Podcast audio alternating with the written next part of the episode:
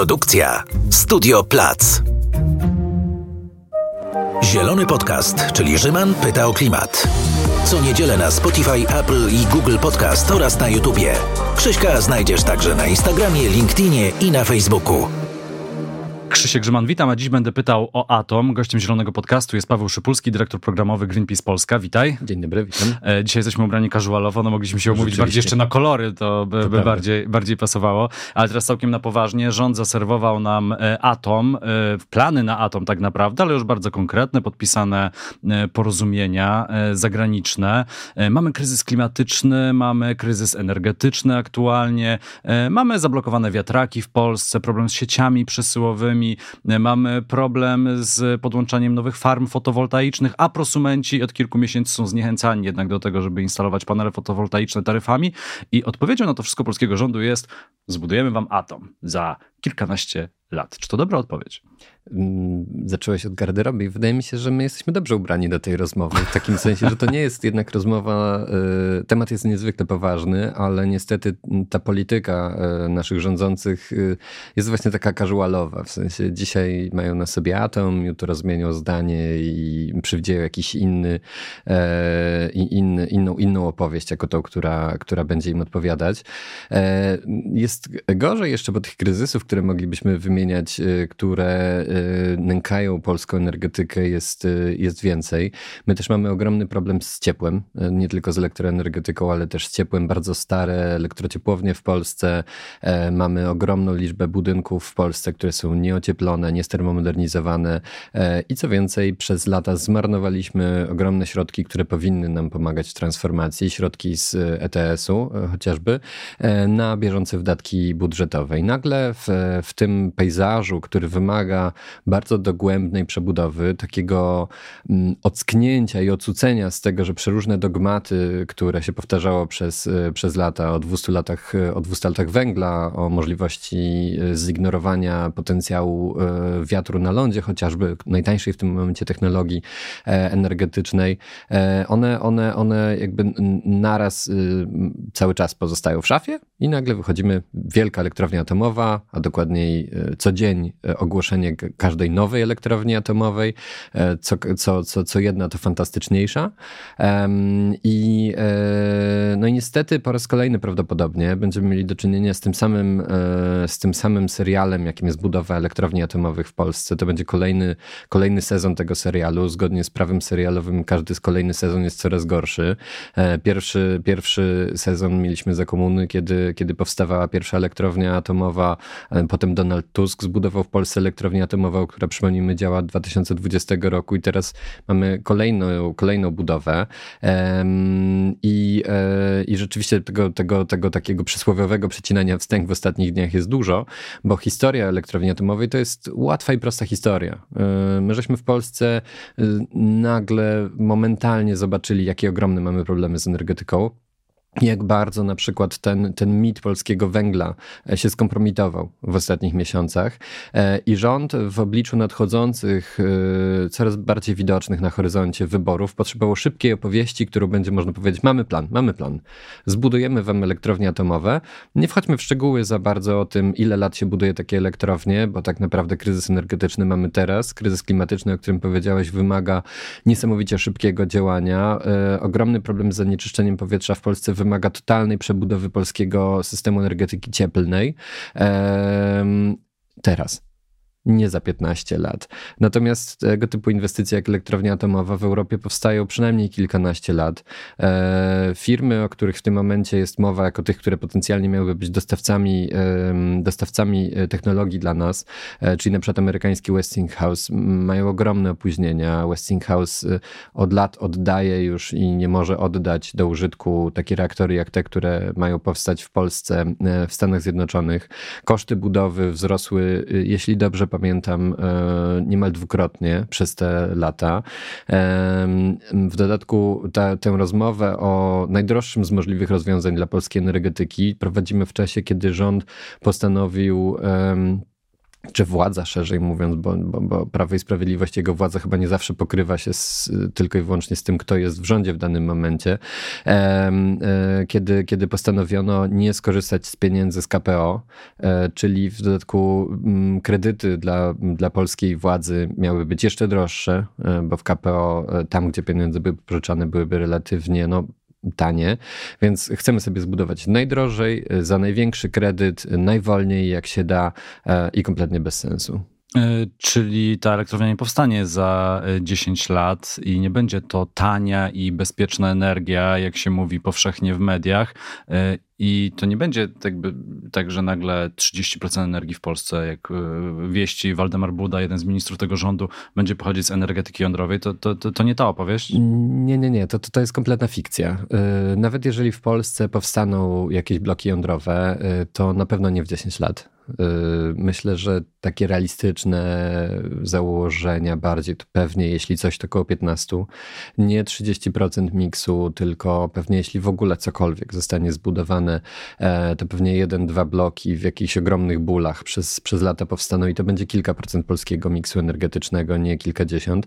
I to spowoduje, że będziemy mieli ciągnącą się, ślimaczącą inwestycję, o której będzie można cały czas opowiadać, jak to wspaniale się nie, de- nie będziemy dekarbonizować, jak wspaniale nie będziemy znajdować alternatyw alternatyw, będzie pożerać uwagę i pieniądze, a jednocześnie nie rozwiązywać żadnego problemu, bo tak naprawdę polski miks energetyczny będzie wymagał totalnej przebudowy, w której energetyka atomowa nie odegra żadnej większej roli. To będzie taki kwiatek do kożucha y, w tym, co, co, co nas czeka, nawet jeśli coś powstanie. Bo powiedzmy sobie szczerze, to, że taka budowa zostanie rozpoczęta, to nie znaczy, że zostanie dokończona.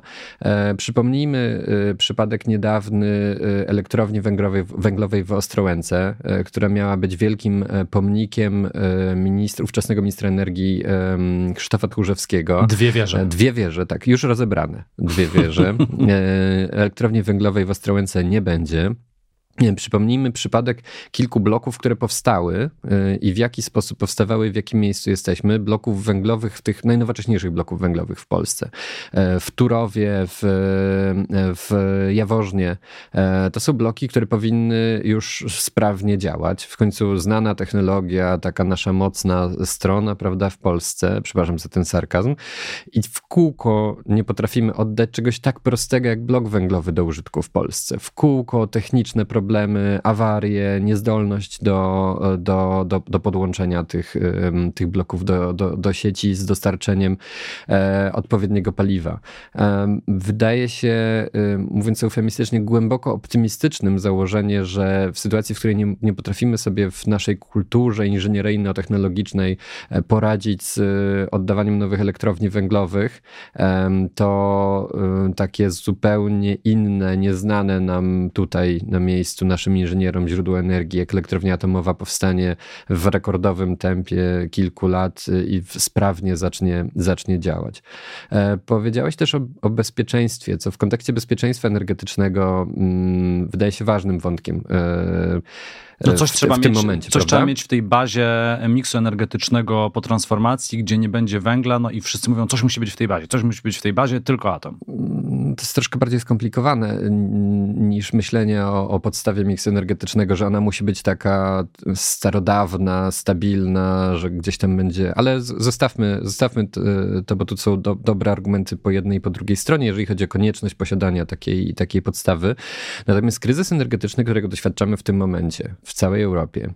On jest związany oczywiście e, z agresją Władimira Putina i z napaścią Rosji na Ukrainę, ale on jest też powiązany z ogromnym problemem, jaki w tym roku e, miały elektrownie atomowe we Francji.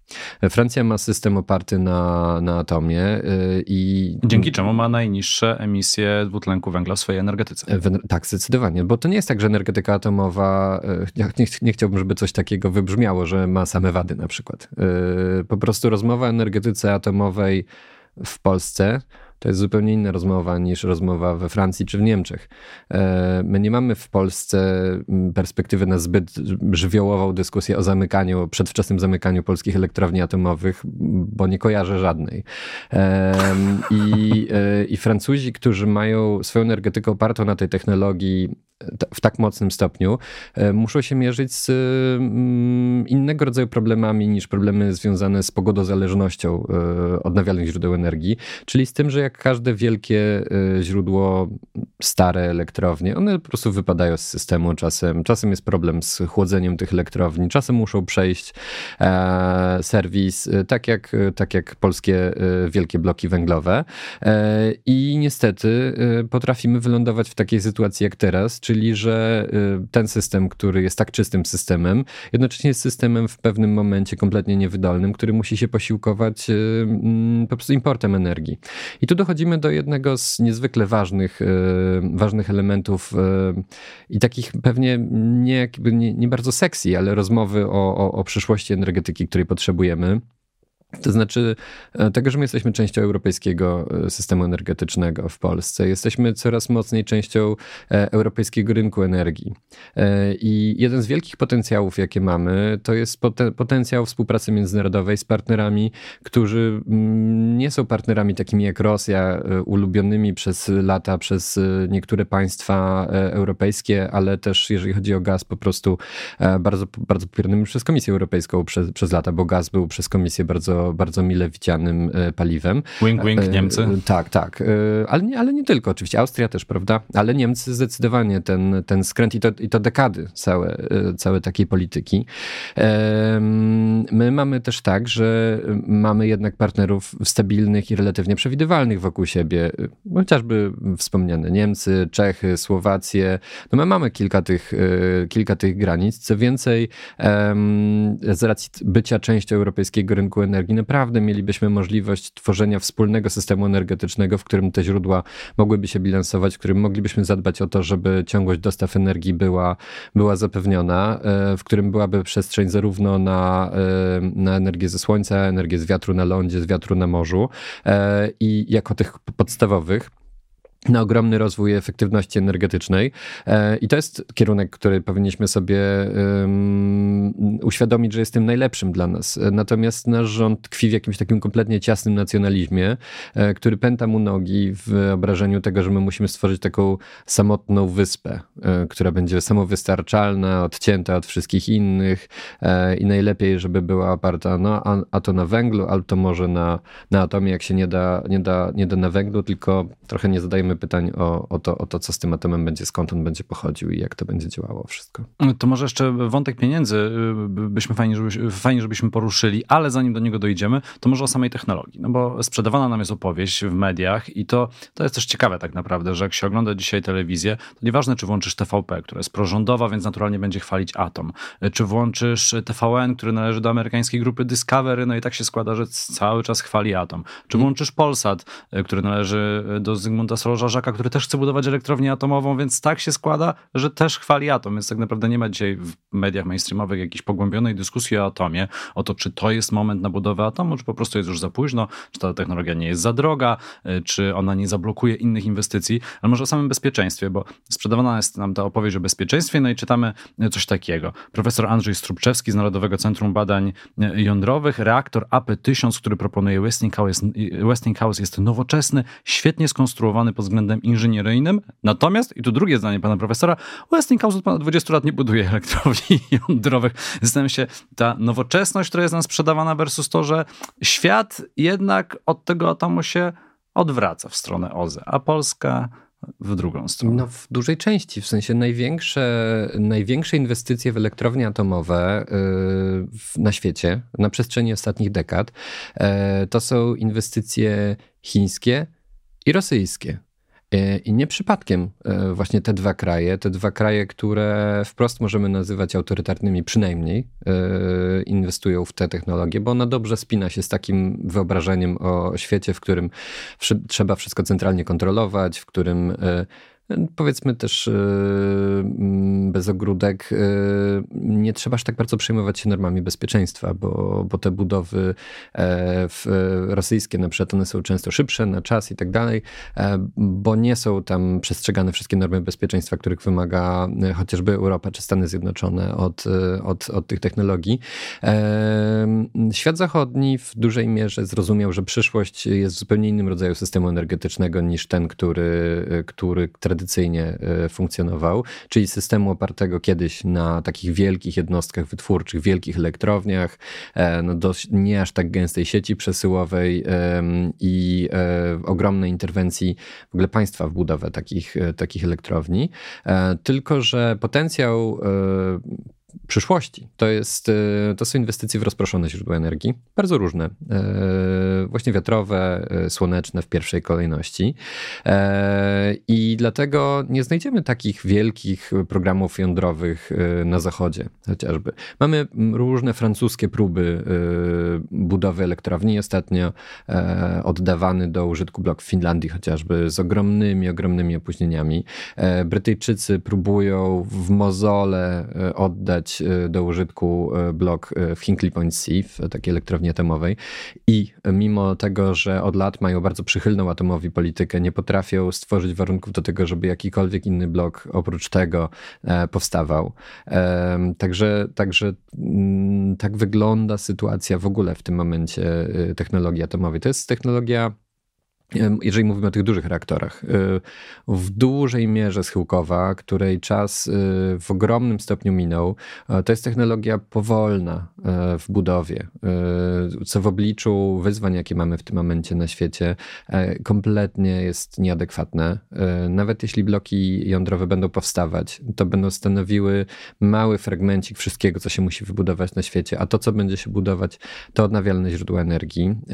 I, i takie scenariusze znajdziemy tak naprawdę naprawdę w każdym miejscu, które zajmuje się na poważnie przyszłością energetyki, w każdym raporcie e, Międzynarodowej Agencji Energetycznej, e, czyli takiego kluczowego ciała zajmującego się przewidywaniem przyszłości energetyki, e, bardzo konserwatywnego zresztą, to OZE stanowi większość. W raportach IPCC, czyli tych raportach, które mm, są skupione na kwestii kryzysu klimatycznego i potencjalnej odpowiedzi na niego, w każdym ze scenariuszy, w, które tam się znajdują cały czas jest atom, przez to, że to są dosyć konserwatywne e, perspektywy, ale tam widać, jak bardzo to są małe fragmenty e, tak naprawdę tego, tego przyszłego miksu energetycznego, więc e, atom jakieś miejsce będzie miał prawdopodobnie jeszcze przez lata, ale to jednak jest, to są peryferie przyszłości energetyki. On, on tak, jak, tak jak powiedzieliśmy, ma pewne zalety. Ma, ma to, że to jest technologia, która w, w tym momencie jest dobrze znana. Mówimy o tych wielkich blokach, prawda? Technologia powiedzmy skomercjalizowana. Nie, nie, nie, nieopłacalna, ale skomercjalizowana, więc z grubsza wiadomo, jak droga będzie budowa takiej elektrowni. W, wśród, wśród y, zwolenników y, energetyki atomowej też y, wielki entuzjazm budzą takie małe reaktory jądrowe. Tak, o których niedawno też mogliśmy dużo, dużo usłyszeć w Polsce, e, ponieważ poprzedniego sezonu modne były nieduże bloki, tylko małe e, i... No wiesz, one e, częściowo są nadal modne, na przykład Daniel tak. Obajtek, prezes Orlenu mówi o SMR-ach, że tak, tak Orlen tak, chciałby tak, je budować. No to zresztą jest wymieniane jako przyszłość energetyki dla dużych zakładów przemysłowych? E, one są, dlatego zawsze o nich się mówi jako przyszłości, ponieważ one nie zeszły jeszcze z desek kreślarskich za bardzo. E, i, i, przyszłość potencjalnie może się okazać, że to jest jeden z, jeden z, jedna, jedna z przyszłych technologii, natomiast cały czas bardzo, bardzo przyszła, y, kompletnie nieadekwatna do tego wyzwania y, pilności, które w tym momencie mamy. Tego, że musimy odejść od spalania paliw kopalnych naprawdę bardzo, bardzo szybko e, i mogą nam w tym pomóc przede wszystkim jednak odnawialne źródła energii i potencjał ograniczenia zużycia energii, a nie pakowanie się w takie powolne, hiperdrogie, hiperdługotrwałe, obarczone ryzykiem e, usterek i opóźnień inwestycje, jak takie pojedyncze wielkie, wielkie bloki, bloki atomowe. A SMR-y, e, dlatego mówię, że były jeszcze niedawno modne, bo ZEPAK, czyli spółka energetyczna należąca do wspomnianego e, wcześniej e, Solarza Żaka, e, jeszcze niedawno miał budować właśnie SMR-y, a nie te wielkie bloki, które teraz ma we współpracy z PGE budować. Tym PGE, które dodajmy na początku prezesury obecnego szefa PGE, jedną z pierwszych rzeczy, którą zrobiło, było pozbycie się spółki atomowej ze swojego portfolio, wiedząc jak bardzo bezsensowne finansowo jest to przedsięwzięcie. E, no to porozmawiajmy o tych pieniądzach, bo to e, nie są drobne kwoty budowa pierwszej elektrowni atomowej. To jest też w ogóle ciekawe, że gdy rozmawiamy o pewnym poziomie kwot liczonych w dziesiątkach miliardów e, złotych, to wydaje się już bardzo abstrakcyjne dla słuchacza, widza. No i też wydaje mi się coś takie podejście, że no przecież na to pieniądze są. No bo jest ten budżet, są te firmy energetyczne, no na to pieniądze są, jakoś to trzeba zbudować. No właśnie pytanie, czy są na to pieniądze, ile to będzie kosztowało? Mówi się, że ta pierwsza elektrownia, premier też tak wymienia, może kosztować 100 miliardów y, złotych y, i polski rząd bardzo by chciał, żeby połowę udziałów w tej firmie, czyli też połowę pieniędzy wyłożyli Amerykanie, czyli Westinghouse. Oni z kolei mówią no max 10%, przypadek, jednak jest taka świetna technologia, ale nie chcą być właścicielem później tej elektrowni i jakoś sprzedawać tej energii Polakom. I jak to, jak sfinansować taki wielki projekt? Kto miałby go finansować? No i czy skończy się na tym, o czym się mówiło zresztą kiedyś, że po prostu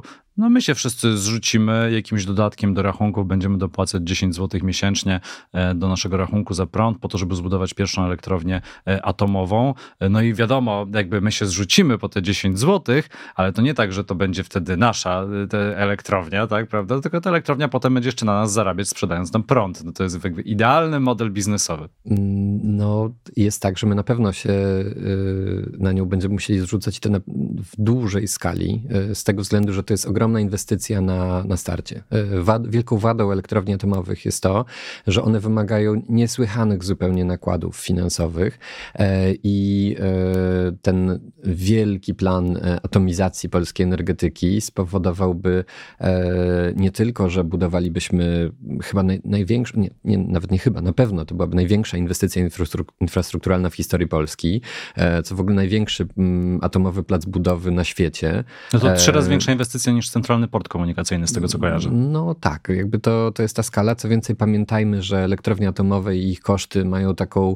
zupełnie stałą zasadę w siebie wpisaną, że kwota, którą się mówi na początku, absolutnie nie jest wiążąca na końcu i z reguły e, to będzie mnożnik przynajmniej półtora do dwóch razy, e, więc to będzie, będą naprawdę astronomiczne kwoty, przy założeniu oczywiście, że cały ten proces e, się wydarzy.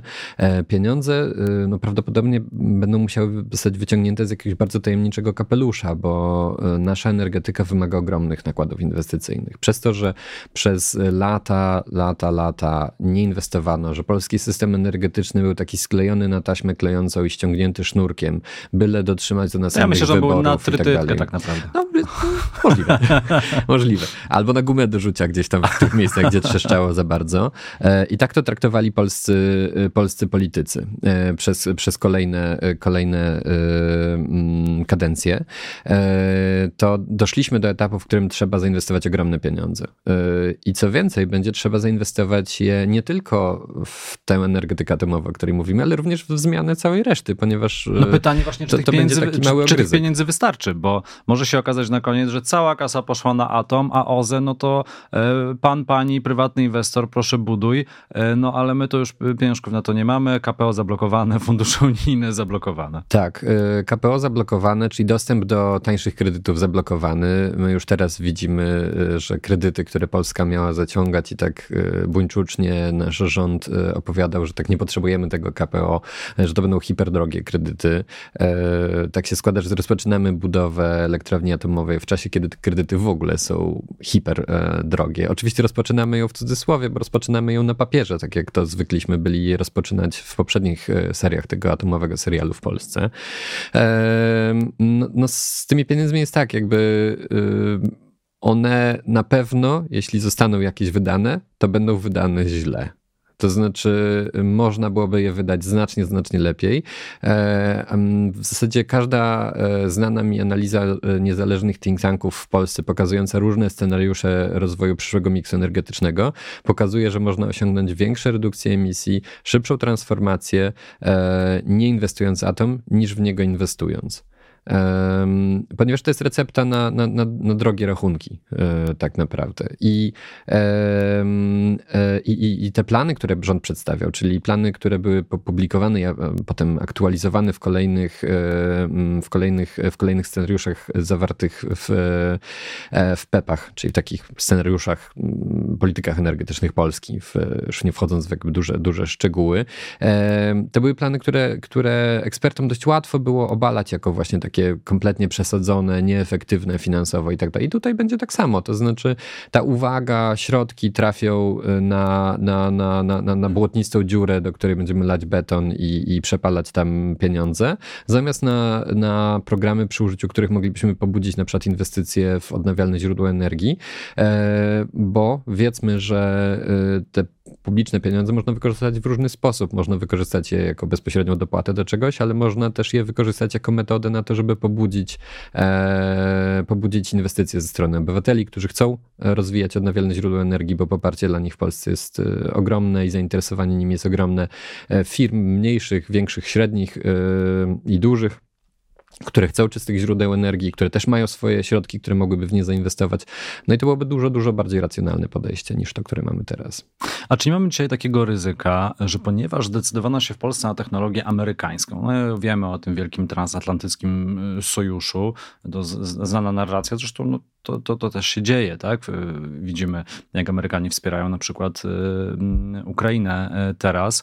Czy nie będzie tak, że ponieważ ten sojusz podpisano na wysokim szczeblu no i, i mówi się o tym, że politycy opozycji nawet nie, że są w szachu, tylko oni też muszą zaakceptować już teraz, a nie dyskutować na temat tego atomu, bo to będzie no, jedna z ważniejszych rzeczy dla Amerykanów w Polsce dzisiaj, tak? Że oni na przykład swoją obecność wojskową w naszym kraju będą uzależniali od tego, czy my my ten projekt atomowy kontynuujemy i no, zakładam Donald Tusk, lider opozycji y, za rok idący do wyborów, nie będzie mógł powiedzieć niczego innego, y, no bo y, to trochę jest taka transakcja już dzisiaj wielostronna, tak? To nie jest tylko transakcja PiS, aktualna amerykańska administracja, chociaż jaka jest aktualna administracja, to wiemy, ale jaka jest większość w Izbie Reprezentantów i Senacie, to się dopiero dowiemy, bo nagrywamy tę rozmowę w środę, więc pełnych wyników amerykańskich jeszcze nie znamy. E, no ale to jest transakcja wielostronna, bo tak naprawdę opozycja też gdzieś w niej y, uczestniczy e, i, i będzie musiała ten projekt później w cudzysłowie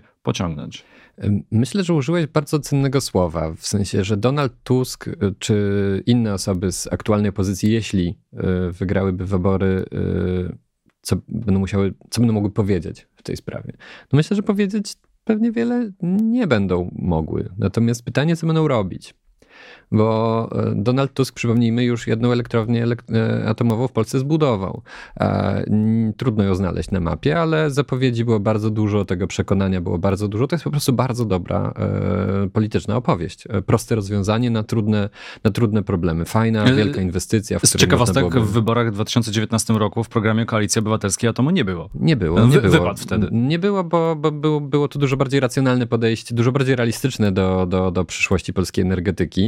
Nie było go też w w programie y, Hołowni, y, bo tam też ten program był konsultowany, pisany przez ludzi, którzy, e, z którymi ja na przykład nie muszę się zgadzać, jeżeli chodzi o ich pomysły, ale którzy są niewątpliwymi ekspertami e, w tym, co, w tym, co robią. E, I właśnie dlatego go tam nie było.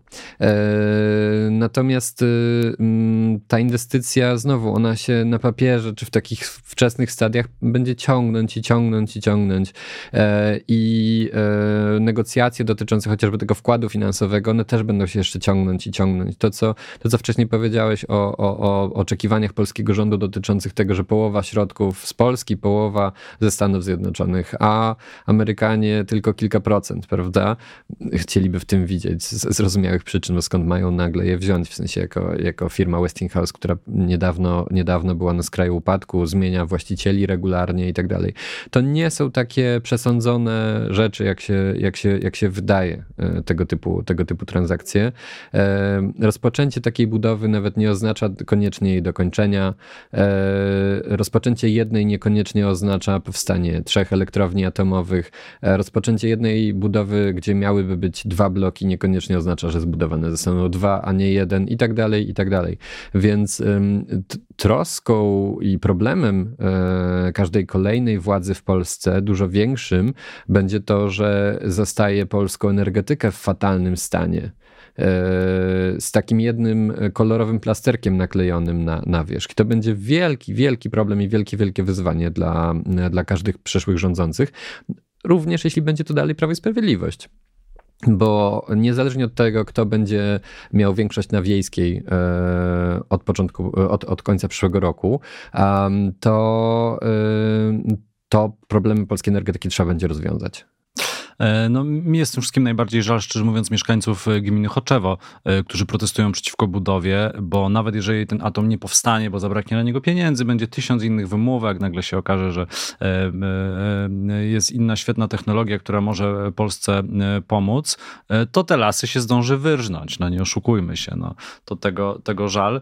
Co ciekawe, patrząc na sondaże, na badania opinii publicznej, to z takiego kraju, gdzie społeczeństwo było raczej podzielone w kwestii atomu, mając tam jeszcze pewnie w pamięci pamięci nawet y, y, Czarnobyl, y, to mimo tego, co dzieje się aktualnie na Ukrainie, gdzie widać, że ta energetyka jądrowa, gdzie sąsiad nie jest sprzyjający, może stać się też niebezpieczeństwem dla kraju, tak? Że mhm. można długo z niej korzystać, a nagle się okazuje, że e, przejęcie kontroli nad elektrownią atomową jest dużym niebezpieczeństwem. Mhm. Pewnie my tu myślimy o takim bardzo dosłownym przejęciu kontroli, ale można też pomyśleć o jakichś hakerach, chociaż podobno te elektrownie są świetnie E, zabezpieczone, e, to mimo tego, co widzimy w wiadomościach, to Polacy jednak zmienili swoje nastawienie do atomu i są bardziej proatomowi. To jest ciekawe. To jest też zrozumiałe, bo w sytuacji, w której spotykamy się z taką wielką ofensywą, w której e, jeżeli jesteśmy osobą, która nie interesuje się, nie pasjonuje się energetyką, de facto słyszymy tylko, jakie to fantastyczne rozwiązanie. Rządzący, opozycja twierdzą wspaniałe. Media, wszystkie największe media mówią wspaniałe. To, to trudno, żeby było inaczej. Natomiast nie jest tak, że nasze wyobrażenie i nasze nadzieje rozbudzone przez rządzących związane z energetyką atomową e, przyspieszą nagle proces inwestycyjny. To jest, to jest problem, że e, to, że, że Polacy będą chcieć elektrowni atomowej e, w nawet dużej, dużej części, to nie znaczy, że ją się uda zbudować na czas, już nie mówiąc o czasie, który jest niezbędny do walki z kryzysem klimatycznym. I boję się, że tak wielkie rozbudzone nadzieje przełożą się w pewnym momencie też na wielkie rozczarowanie. Przypomnijmy, jak wielkie były kiedyś nadzieje związane z wydobyciem gazu łupkowego w Polsce, jak bez, bez, bez, y, bezkrytycznie zupełnie opowiadano o przyszłości tej technologii w naszym kraju nie ma. E, nie przypadkiem nie ma, po prostu było to kompletnie nierealistyczne. Opowieść była jakby taka fajna, bo była prosta. Jakby będziemy mieli swój gaz, e, będzie tutaj, nie trzeba będzie importować go z Rosji, czy skądkolwiek, czy, czy, czy z Bliskiego Wschodu. Fantastycznie. No i to była też, nie cieszył w i tamtych to, czasach. I to była też opowieść na slajdach jednak przede wszystkim. Tak, tak, tak, tak. No tutaj, tutaj, tutaj, tutaj znowu opowieść też jest, też jest fajna, bo powstanie elektrownia, będzie fajnie, będzie czysty prąd, stabilny, e, tani, już nie wchodźmy w to, że tak naprawdę drogi i tak dalej. E, no ale ta opowieść nie równa się E, faktom. E, I, i, I, to poparcie myślę, że zmieni się w pewnym momencie w, w ogromne rozczarowanie, w ogromne zniechęcenie związane z, z obserwowaniem kolejnych e, aktów tego, tego spektaklu, który będzie się ciągnął i ciągnął i, i nie będzie na czas. I będą tam kolejne problemy na tych budowach, bo tak po prostu najzwyczajniej na świecie taki jest na tych budowach. One się nie wydarzają tak ciach i mamy to, no nie? Więc Mm, no, no, no, tu, jest, y, tu, jest, tu jest jakaś ta kompletna nieodpowiedzialność obietnicy, która jest składana, y, widoczna.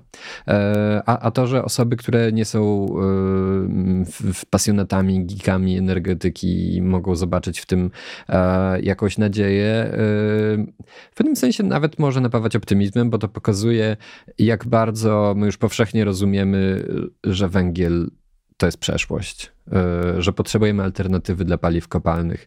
E, i, e, i że pewnie już do tego nie ma powrotu, e, że my żeśmy naprawdę już masowo, masowo zrozumieli, zaakceptowali to, że czeka nas zmiana. E, w Polsce nie tylko atom, ale odnawialne źródła energii też cieszą się ogromnym poparciem, co pokazuje, że my po prostu chcemy zmiany e, i mamy na nią otwartość. No i teraz tej zmiany po prostu potrzebujemy, ale potrzebujemy realnej, a nie takiej, która świetnie będzie wyglądać w trakcie, w trakcie przecinania wstęg gdzieś przed kamerami, tylko takiej, która może rzeczywiście zmienić kształt naszego systemu energetycznego. Paweł Szypulski, dyrektor programowy Greenpeace Polska, był gościem Zielonego Podcastu. Bardzo Ci dziękuję za rozmowę. No i Bardzo chyba dziękuję. zostaje nam tylko mówienie o zielonej energii w tej sytuacji, bo... Yy, no i działanie na rzecz jej rozwoju w, w moim przypadku. To też mamy dużo do zrobienia w tej materii i będziemy na pewno wspierać jej rozwój na wiele sposobów. Bardzo Ci dziękuję jeszcze raz Bardzo za rozmowę. Dziękuję. Krzysiek Grzyman, Zielony Podcast. Teraz także do zobaczenia na YouTubie. To był Zielony Podcast, czyli Rzyman pyta o klimat. Co niedzielę na Spotify, Apple i Google Podcast oraz na YouTubie. Pamiętaj, żeby subskrybować kanał. Nie przegapisz żadnego odcinka.